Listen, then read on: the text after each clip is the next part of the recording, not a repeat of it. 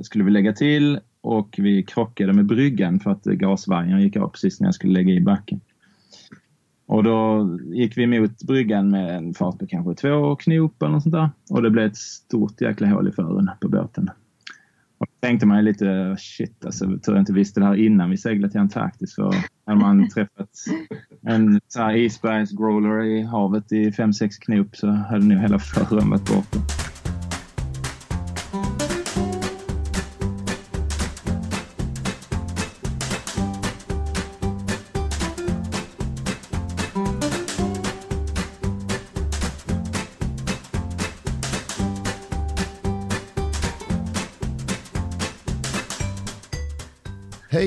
Johan och Malin och välkommen till eh, Sjölivets podd. Tack så mycket. Tackar. Eh, ni får jättegärna berätta eh, var ni befinner er någonstans i världen. Mm. Just nu så befinner vi oss i Honolulu på Hawaii eh, och vi håller på att förbereda oss för vår segling norrut till Alaska. Härligt. Eh, vilka är ni förutom då Johan och Malin? De som inte vet vilka ni är så får ni gärna berätta lite om er också. Ska du börja? Okej, okay, jag börjar. Eh, jag heter Johan, jag är 40 år gammal och jag har seglat kan man säga sedan jag var 21 ungefär. Jag började min seglingskarriär, man kan säga så, med att segla till Karibien. Eh, och sen har det blivit några resor efter det seglat till eh, Antarktis och Kapon, Sydgeorgien. Eh, ja, och sen vända ner till Kanarieöarna fram och tillbaka. Så det här är min fjärde längre resa som vi är ute på nu. Mm. Jag heter Malin. Jag är 30 år gammal från Malmö, södra Sverige. Och eh, ja, jag har seglat nu eh, på heltid kan man säga i eh, snart två, två och ett halvt år. Mm. Och um, innan dess så hade jag seglat väldigt lite. Jag hade seglat lite grann under två somrar. Som var de somrarna som vi förberedde oss för den här resan. Så när vi begav oss så var jag, kan man säga, nybörjare. Men, men Malin, det måste ju ha varit en otrolig inlärningskurva, eller? Alltså... Ja, jo absolut. Men det var ju bra för, för innan vi lämnade så jobbade vi väldigt mycket med båten. Mm. Och det var bra på så vis för då fick man ju lära sig mycket om båten och hur den fungerar och alla olika system. Och det finns ju så mycket och, som man behöver kunna ändå eller ha någon aning om på båten. Mm. Så det var ju bra även fast seglingen kom lite, lite senare. Mm. mm. mm. Men, men du Johan, du sa ju själv att du har seglat, du, du startade din seglingskarriär med långsegling. Ja, det var väl lite för att jag väl egentligen aldrig varit... Jag vet när jag var yngre, jag uppväxt i Barsebäck. Eh, och det, ja, det ligger vid havet. Mina föräldrar försökte få mig till att börja segla optimistjolle sådär när jag var liten. Men jag var aldrig riktigt intresserad av det. Eh, så det var först när jag blev lite äldre, flyttat hemifrån och sådär, mer intresserad av att resa. Och så läste jag någon bok, jag kommer inte ihåg vilken bok dock. Eh, jag vet att jag läste om Joshua Slockums en rundsegling och några andra böcker. Mm. Så blev jag lite inspirerad det där och tyckte att det är ett häftigt sätt att se världen på och resa på. Så det var väl mer den ingången jag hade, att jag ville resa och se världen och sen så kom liksom, ja, och det var, tyckte det verkade vara ett häftigt sätt att göra det med båt. Så den vägen var det väl lite. och då var det bara att sticka iväg? Ja, och sen så Eh, min första resa då, då köpte jag en båt ihop med, med kompisar och eh, ja, vi var fyra stycken som seglade med en eh, eh vad heter det, Maxi 95 mm. till eh, Och det var väl eh, ganska påfrestande. Så att ja, vad ska man säga? Men det var väl, man lär sig på vägen. Vi hade seglat sex månader. Vi köpte i princip den här Max 95 och lärde oss segla lite på, på kvällar och helger under ett halvår i Öresund. Mm. Och sen gav vi oss iväg. Eh, så det blev en rätt så brant inlärningskurva. Det kan man ju tänka sig. Men, men, men som du sa, du har ju även varit nere i Antarktis va? Ja, det stämmer. Det måste det var... väl ha varit en upplevelse om något? jo, det får man väl säga att det var. Det var, ju, det var inte planerat från början. Det var 2005 till 2007. Det var jag en kompis som lämnade Sverige på vintern 2005. Mm. Eh, och planen från början var att vi skulle segla jorden runt. Eh, ja. Men eh, budgeten räckte inte riktigt till det. Så att när vi var i eh, Buenos Aires så ja, vi hade väl eh, festat lite mycket om man säger så. Det här mm. var ett tag sedan. Så vår S-kassa den var ganska ja, uttjänt. Mm. Så vi, då var liksom beslutet om vi skulle segla, fortsätta jorden runt via Kap Horn som var planen. Eh, och typ ligga för ankar och äta ris och bönor och inget annat eh, resten av resan. Eller om vi skulle göra någonting annat då, då tänkte vi ja, men då, då seglar vi till Antarktis via Kap Horn och sen så tar vi Shackleton-rutten på vägen tillbaka från Elefanten mm. till eh, South Georgia Island. Då. Eh, så det gjorde vi istället. Så då började vi förbereda båten för det i Buenos Aires. Eh, och det ångrar vi faktiskt inte. Det var en jäkla häftig upplevelse att segla där nere. Eh, sen med facit i hand så kanske det inte var rätt båt. Det var en eh, trekvarttonnare från 70-talet. Eh, Racer familjebåt i glasfiber. Ja, men det gick? Men det gick absolut. Ja, vi slog runt med båten och sådär men eh, den, den var ju starkt byggd och sådär men eh, ja, så det var mest det där med isen som man eh, tänker på efteråt. Därför mm. när vi kom tillbaka till Brasilien så eh, skulle vi lägga till och vi krockade med bryggan för att gasvajern gick av precis när jag skulle lägga i backen. Och då gick vi emot bryggan med en fart på kanske två knop eller något sånt där. Och det blev ett stort jäkla hål i fören på båten. Oj. Tänkte man lite, shit alltså, tur jag inte visste det här innan vi seglade till Antarktis. För hade man träffat en så här isbergsgrowler i havet i fem sex knop så hade nog hela fören varit borta. Åh oh, herregud. Men som sagt, det där är ju i och för sig en, en liten historia för sig själv. Och ni har väl ändå lagt upp det där på er kanal, va? Din segling Johan där. Jo, vi har tre avsnitt på vår kanal om mm. den seglingen. Vi filmar ju mycket på den mm. Också, men uh, Youtube och det var inte så enkelt att redigera film.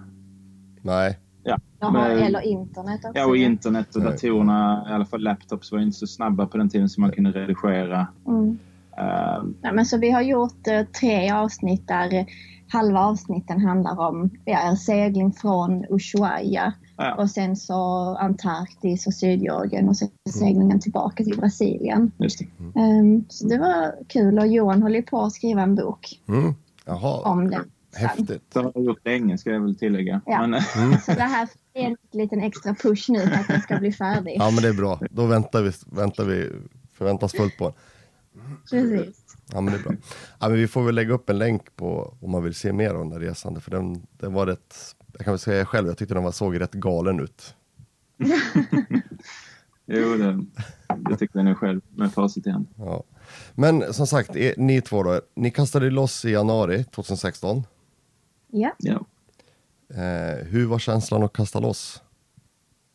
Ja, det var så skönt. Ja. Vi hade längtat från att vi slutade jobba jag tror efter jag slutade jobba så hade vi två veckor innan vi lämnade. Och det Oj, var så nära inpå? Ja, det var så nära inpå. Eh, så vi ville ju bara iväg, iväg, mm. iväg. Och det ja. var det enda som fanns i mitt huvud. Att Nej, men nu ska vi åka och så spännande. Eh, och, och, att det var vinter så, det spelar ingen roll. Och jag hade inte så mycket, ingen så mycket erfarenhet. Så tänkte jag, men det ska ju gå bra. Och Johan har gjort det här innan, seglat på vinter. Så vi tar det lugnt. Och Sen så var det ju redan andra dagen när vi skulle lämna från, vi gjorde ett stopp i Skanör för att säga hej då till Johans mormor som bor där. Mm. Då hade det ju regnat på kvällen och under natten ja, underkylt regn. Ja, frusit på. Så vi kommer ut och allt är is. Det var is över hela däcket. Och se alla segling fulla av is och linorna är stenhårda. Så det var lite, lite speciell början där vi fick koka vatten och hälla på linorna så vi kunde få ut seglen. Och, ja. Ja, det var en kall, kall start. Men en... Och vår, vår värmare gick sönder efter 24 timmar. Oh. Sen så hade vi ingen värme längre ombord. Ja, det hade vi. När vi låg i hamn hade vi det. Ja. Men inte ute på havet. Nej. Oh, Men det var... Då fick vi använda ugnen och vi fick använda vår lilla lampa här i salongen. ja, ja, men ni gick ju mot varmare väder i alla fall. Ja. Ja, det var väl det som var lite anledning till att vi inte bytte ut värmen. Vi Mm. tänkte sådär, ja, det är bara en månad ner till Kanarieöarna ungefär så att det behöver vi inte byta ut. Såklart det går den sönder efter 24 timmar. Ja. Men, men vad, fanns det någon speciell tanke att man kastade loss i januari eller var det bara just att tajmingen var då eller? Nej, så det var väl, tanken var egentligen att vi skulle ha åkt, vad blir det? I ett, maj. Nej, men ett år tidigare var ju egentligen planen från början. Ja, Eh, eller men- ett halvår tidigare. Ett halvår tidigare, Mm. förlåt. Eh, Men sen så fick jag ett nytt jobb och ja, omständigheterna blev att vi behövde lite mer pengar och sådär. Och då beslöt jag, ja, men då kör vi ett år till. Mm. Eh, och det är alltid tufft när man är så nära för det var bara typ tre fyra månader innan vi skulle segla som vi tog beslutet att nej, men vi kör ett år till liksom hemma och sparar pengar. Mm. Och, ja. och så började jag på mitt nya jobb och när jag hade gjort det i typ tio månader så var jag ganska less på det. Så då sa jag att nej, nu har vi nått upp till den budgeten vi har sagt. Så nu åker vi. Eh, och istället för att vi skulle stanna hemma i fem sex månader till och vänta på sommaren och bränna pengar hemma så tänkte vi att men då kan vi lika bra Mm. åka nu. Eh, och så tar vi det så sakta och, och seglar söderut. Mm. Mm. Eh, det är vinter. Ja. Och, ja, och som sagt, jag har gjort det innan så jag vet att det, det går ganska bra faktiskt att segla på vintern. eh, För det är ju ganska nära mellan hamnarna eh, i norra Europa. Ja. Eh, Mm. Så att man kan göra mycket med dagssegling. Alltså. Men, men ni sa ju det, ni, ni flyttade in i båten för att tjäna ihop pengar. Hur länge bodde Mm. ni på båten? Vi bodde lite mer än ett år, så det blev två vintrar. Mm. Eh, bodde vi då i en marina i centrala Malmö, Dockan marina. Mm. Eh, och under tiden då så jobbade vi ju på båten mycket. Mm. Eh, vi, under våren där, säga, året innan så hade vi båten på land i sex veckor och då målade vi om hela Eh, Friborden, friborden. och bytte mast, flyttade röstjärn och ja, ganska stora jobb. Mm. Jobbar en del med elen ombord och sådär men det, ja, det, det är ganska jobbigt om man ska renovera och bo samtidigt. Ja, jag kan tänka mig det. Jag försöker undvika det. Men samtidigt att bo ombord funkade ju bra och det hjälpte ju oss jättemycket med att spara pengar. Mm. Jo, det gjorde det. det slippa var, hyran, det, mm, det hjälper mycket. Men, men Johan, du hade ju redan köpt båten innan ni hade träffats va? Just det, jag köpte den 2012. Ehm, ja, med tanken att jag ville iväg och lagfartssegla men eh, inga sådär specifika planer. Sen så har jag väl aldrig varit typen att jag vill segla själv. Så att det var väl mer, ja, ja, jag har båten för seglingar hemma och sen får vi se vad, mm. vad framtiden bjuder. Så Okej. träffade jag Malin. Mm. Ja, Det så vart ju bra. träffades vi. Och, ja. och jag hade ju aldrig seglat eller jag hade aldrig ens varit på en, ombord på en segelbåt eh, tidigare. Nej. Eh, men vi hade vår första dejt kan man säga ombord på Ran. och sen så, ja, vi båda två var på samma, ja, vi ville samma sak. Vi ville ut och resa och så, så frågade Johan, ja men kan du tänka dig att segla? Och så tänkte jag, ja men det är ju perfekt. Då kan vi ju resa och ha vårt hem med oss. Mm. Klart vi ska göra det. Mm. Ja, Mm. jag hade Så det gick, ganska, ja, det gick ju ganska snabbt. Efter två månader så bestämde vi oss för att börja planera och spara inför den här resan. Oj, det var snabbt. Ja, Ja, ganska snabbt marscherat. Ja. Så i, vi båda ville ju liksom redan dra iväg. Mm. Så vi kände att vi vill liksom kunna ja, spara pengar så fort som möjligt och Ja. att allt ska gå så Ja. fort som möjligt. Liksom. Och att det inte ska ta flera, flera år innan vi kan bege oss iväg.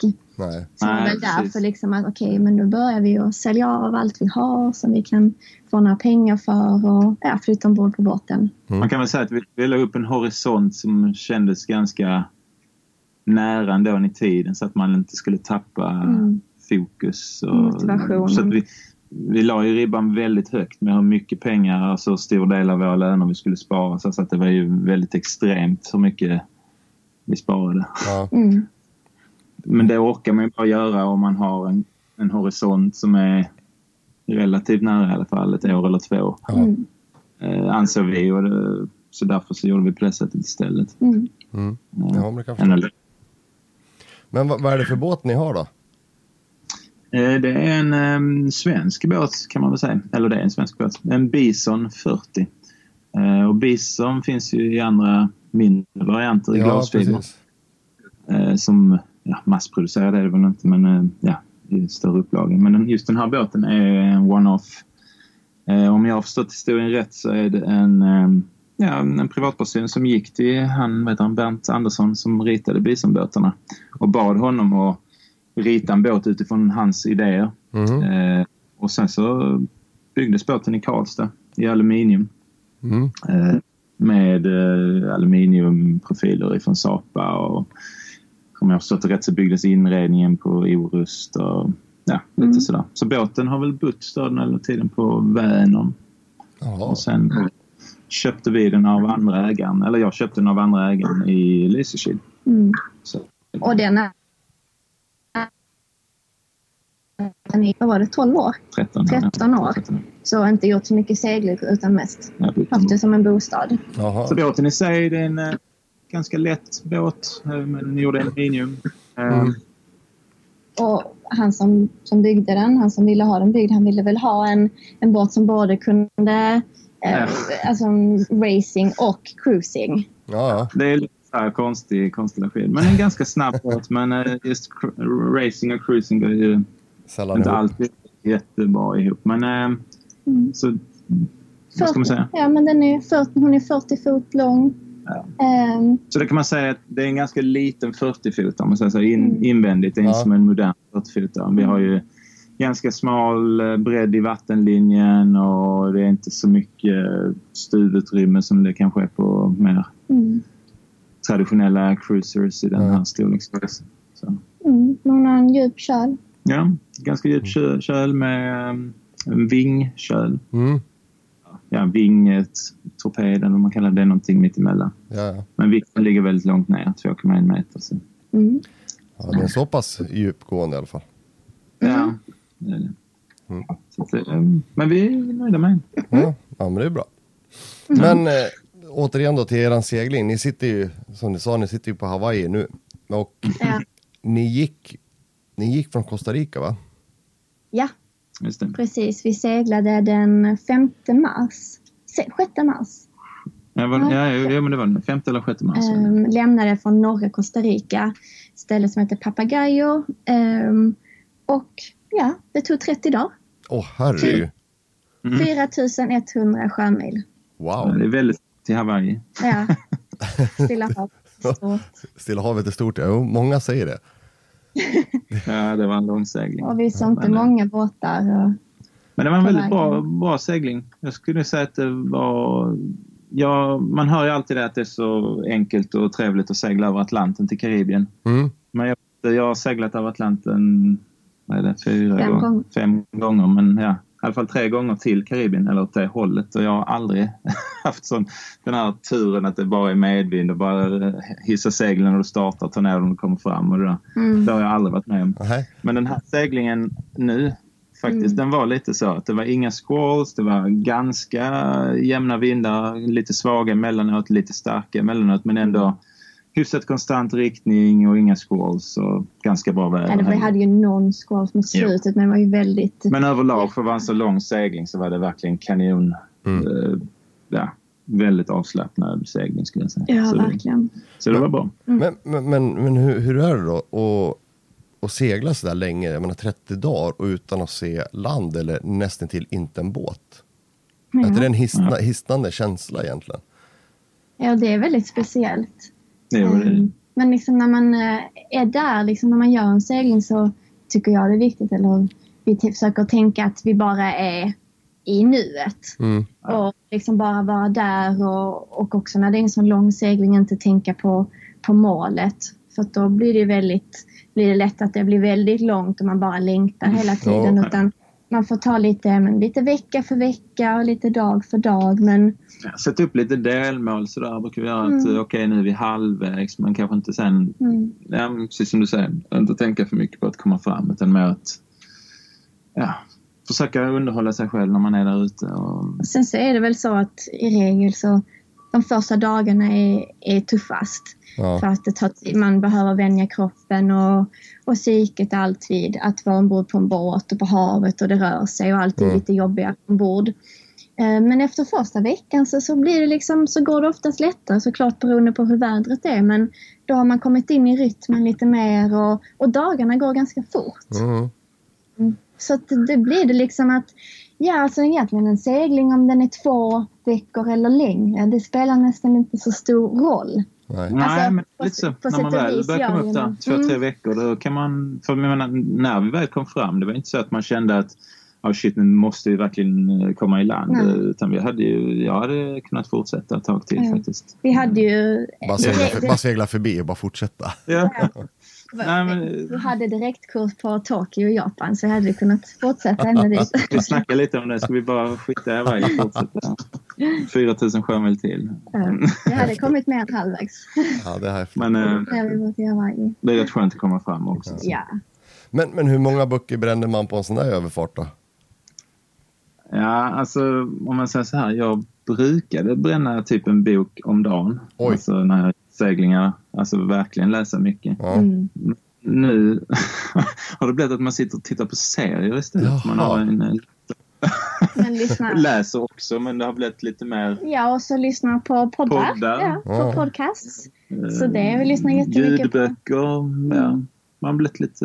Ja, men vi lyssnar mycket på podcast och, och sen så har vi såna här um, typ läs-e-böcker. Mm. Som man kan ha flera hundra böcker på. Mm. Mm. Men mm, eh, ja, Kindle är ju ett bra tips. Man kan Mm. ha väldigt mycket böcker med utan att det tar upp en jäkla plats. Här, pl- platsbrist brukar man ju ha ombord. Ja. ja. Så Så. det är faktiskt så. Ja. Men eh, hur, hur gör, gör ni med ma- vaktscheman och sånt där på sån här längre överfart när ni är två? Kör ni fyra timmar av och fyra timmar på eller är det lite Mm. varierande?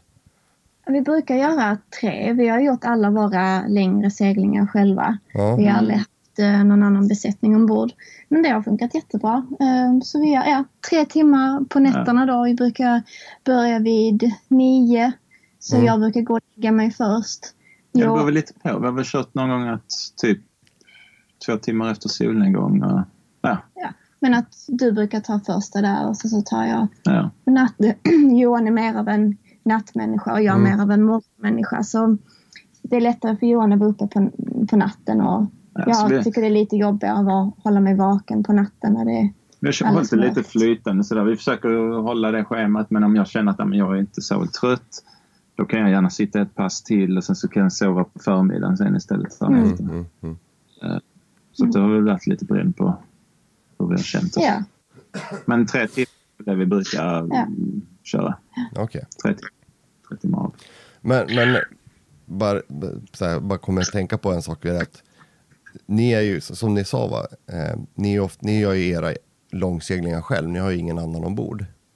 Mm. Men hur, om man får fråga då, tär inte det, kan inte det tära duktigt på relationen ombord? Där det inte finns någon plats att kliva av på. Det är inte så att man kan bara, nej nu skiter vi och drar och kastar ankar och sen tar jag jollen eller? det kan det säkert göra för vissa människor. Men inte för oss faktiskt. Nej, och Ja. faktum är ju att när man är ute och- gör en längre segling så tror jag nog man får nästan mer egen tid för att man har sina egna nattpass Mm. än för när man är, Ja, ligger ankrad någonstans. ja.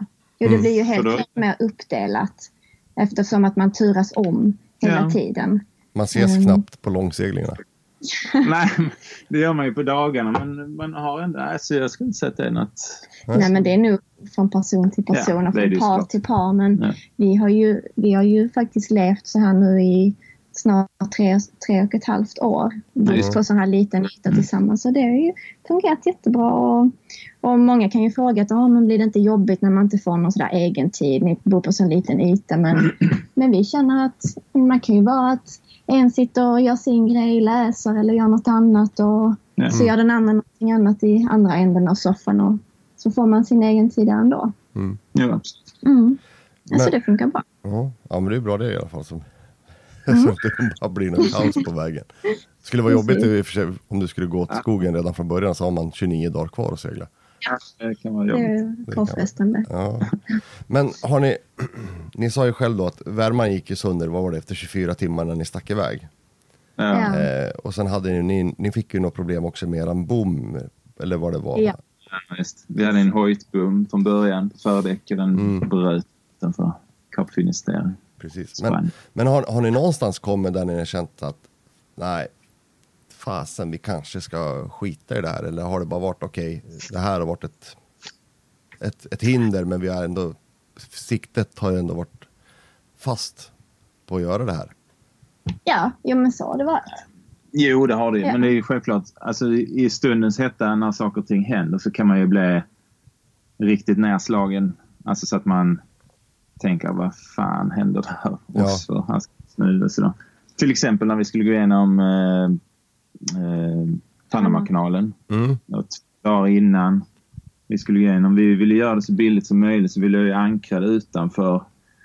Och vi hade, gjorde mätningar och allting ute för ankar och vi gick aldrig in i hamn och sådär. Sen så två dagar innan vi skulle gå igenom, allting hade gått som vi hade tänkt oss. Men så går eh,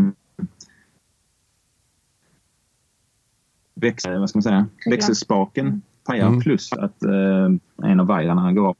Och den vajern ligger under dieseltank och det är ett, ja, Oh. rätt så jobbigt att komma åt och fixa det. Och det vi hade ju ingen extra heller. Nej, och vi hade ingen extra och vi sitter fast ute på ankar och vi kan inte komma i land någonstans där. Och vi har, bok, vi har redan fått tid för att gå igenom Och vi är redan liksom klara för att gå igenom. Vi visste liksom, fixar vi inte det här nu så är det flera hundra dollar i, eh, som försvinner. Vi Ja, och betalt folk som skulle komma ombord och hjälpa oss. Och ja, line handlers och allting. Och det är klart, Ja, i herregud. sådana situationer så känner man ju bara, men varför liksom? Varför händer det här just nu? Och, Men det är Ja. mer att man, det blir jättejobbigt ju, och man blir ledsen och sådär. Men det har ju aldrig varit så att nej, nu ger vi upp. Utan det är ju bara, okej, hur fixar vi detta? Mm. Ja. Så, så har vi ju lyckats fixa allting. Alla, och sen när man, motgångar. när man väl sätter igång och börjar ja, vad ska man säga, med problemlösningen, då blir man ju lite upplyft av det igen kan vi säga. Mm. Så, ofta är det ju så kan jag tycka generellt. Med, även när man är ute till havs och seglar och någonting händer och man råkar ut för någon... Eh, jag vet när jag slog runt med båten i södra oceanen. Eller eh, utanför Buenos Aires var det faktiskt. Då, det bästa motmedlet mot den depressionen man får när allting är paj ombord och det är ju att sätta igång och jobba liksom. Eh, och fixa det som har gått sönder. Ja, att fokusera på Ja, det fokusera istället. på det än att sitta Ja. och grubbla för mycket. Ja. Mm, mm. Men som, du, som ni också sa då, att det, det kostar ju pengar. Slussa Panama är ju, vad jag har hört, är ju relativt dyrt och, och underhållet av en båt är dyrt. Men om man får fråga då, Mm. vad kostar det att segla och göra det ni gör? Vad, vad, kost, vad, vad, vad är det för budget man, man har? Alla har ju olika, men får man fråga vad ni Ja. har? Absolut. Ja. Ehm, ska jag. Ehm, ja, det så beror det ju lite på vad man har för båt. Ehm, Mm. Vår båt är ny. Den är från 87 så det kräver ju en del underhåll och sådär.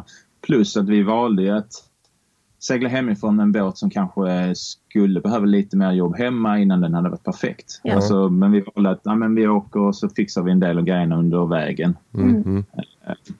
Och det gör ju att vår budget har varit lite högre eh, Mm. av den anledningen. Men vi har väl, eh, vår budget är på 18 000 i månaden. Cirka. eh, Mm. i genomsnitt då. Eh, och då ingår allt, alltså att underhålla båten och, och så vidare. Men jag tror dock att hade vi haft båten i, mer fixad innan vi åkte Ja. så hade vi nog slaven eh, 4 000 på det kanske. Ja. Oj. Eh, ja, för vi har lagt rätt mycket pengar Vi har på ju haft båten uppe på land två, gånger, och- i Karibien. Liksom. Det är Ja. ju inte billigt här.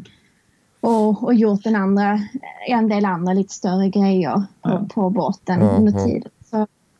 Och sen är det ju, det där med budget det är så svårt för att det beror helt på vad man är som person, vad man liksom kräver för Vissa är ju nöjda med att bara sitta ombord och äta ris och bönor och tycker att det är toppen. Eh, och aldrig gå in i hamn och sådär. Det är klart, då kan man ju och segla utan försäkringar och så vidare. mm.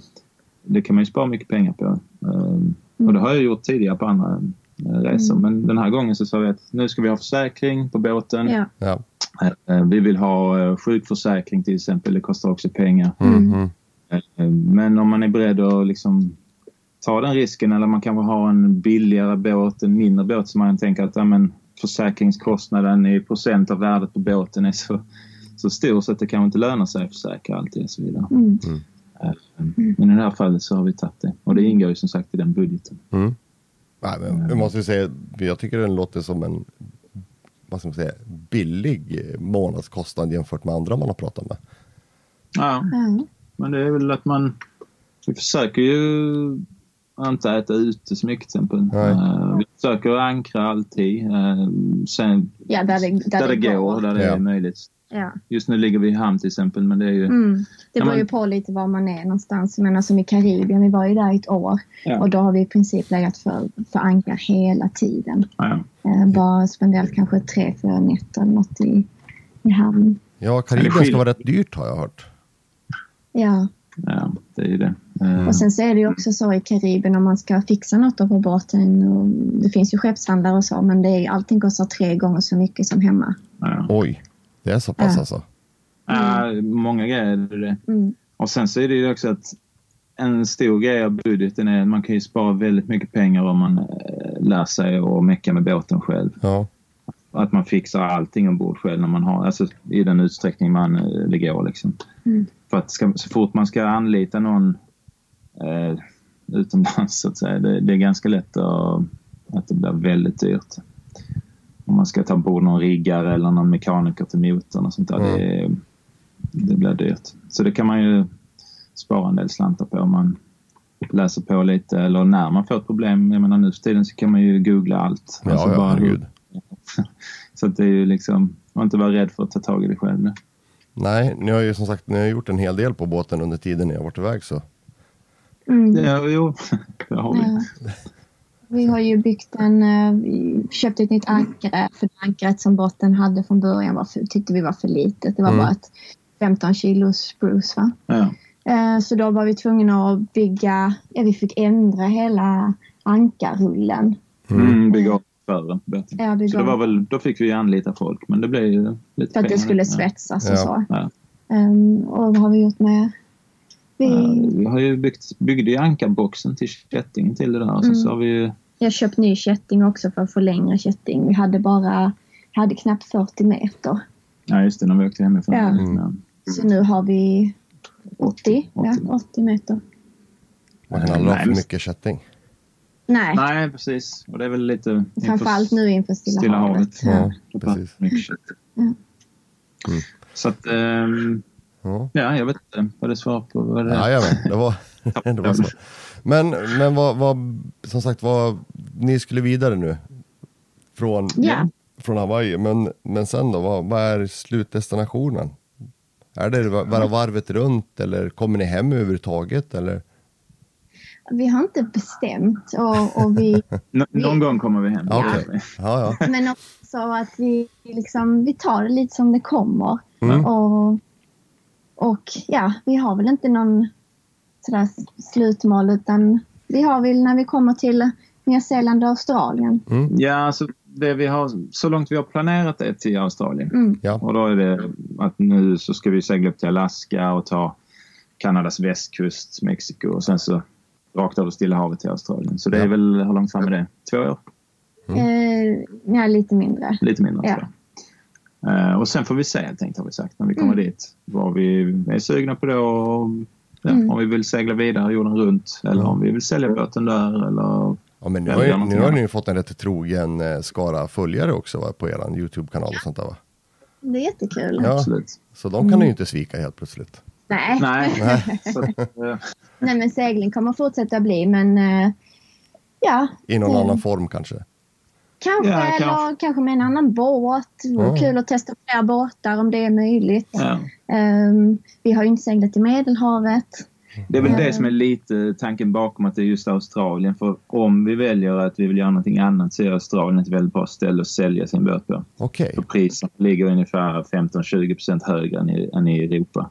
jaha okej. Så det är ett bra ställe att ta det beslutet på att okej, Mm. vill annan båt eh, någon annanstans eller Mm. ja, så är det ett bra ställe att liksom hoppa av i så fall.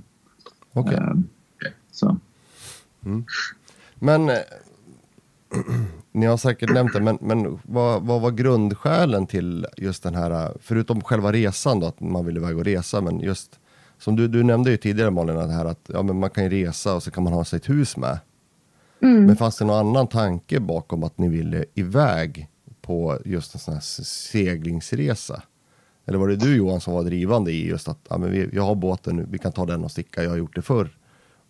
Och det förstår jag. Eh, Ja, så det var väl Johans förslag. Så där, liksom, kan, kan han fråga mig om kan du tänka dig att segla? Och, men, och sen tanken där som jag sa innan där, att man, man reser med sitt hem. Det är ju väldigt fantastiskt att kunna Mm. göra det.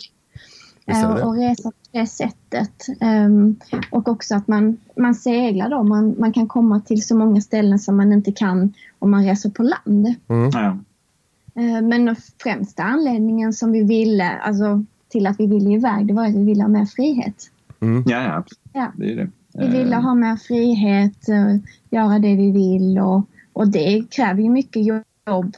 Ja. Och det är ju ingen semester vi är iväg på utan det är ju en, en livsstil kan man Ja. säga som ja. Kräver mycket jobb och planering och sådär. Men man bestämmer ju när man vill göra det och, Ja. och hur man vill göra det och så. så och det är väldigt häftigt. Ja. Ja, så är det ju, just som du sa där med att resa med båt, det är ju... Alltså man jämför med backpacking eller sådär så är ju skillnaden att man, man har ju någon form av trygghet ändå när att man har sitt hem med sig. Mm. Alltså, man kommer hem fast man är någon helt annanstans. Och om man backpackar eller gör sådär så har man ju, ja då, är det, då har man ett nytt ställe man kommer till varje, varje natt kanske Mm. eller varje vecka. Så. Mm. så det är väl en... Ja, man har ju, båten är ju ens trygga punkt. Ja, Det är ju ens hem. Vi har ju allting här som vi behöver och mm, som är tryggt för oss. Ehm, och sådär. Och, och i motgångar och så, så har man ju också alltid, ja men vi har vårt hem i alla fall. ja. Mm. Men eh, jag tänkte, jag tänkte runda av, men jag har två sista frågor i alla fall som, som jag gärna vill ha. Det är så här, boktips. Jag vill ha ett boktips av er vardera som eh, ni måste rekommendera. Oj, oj, vad svårt. Ehm, ja. ehm, Mm. ja, men då får jag nu säga eh, Joshua Slocum. Mm. Jag vet inte titeln på boken, men det handlar ju om en, eh, jorden runt, en ensamsegling jorden runt under 1800-talet. Mm. Det är ett, eh, det är en bra bok om man inte har läst den. Ja. Jag är, också, jag är också så dålig på namn och, och titlar. Det blir Men så vad många. heter Då. Eh, vad hette den där som han som seglade på 70-talet?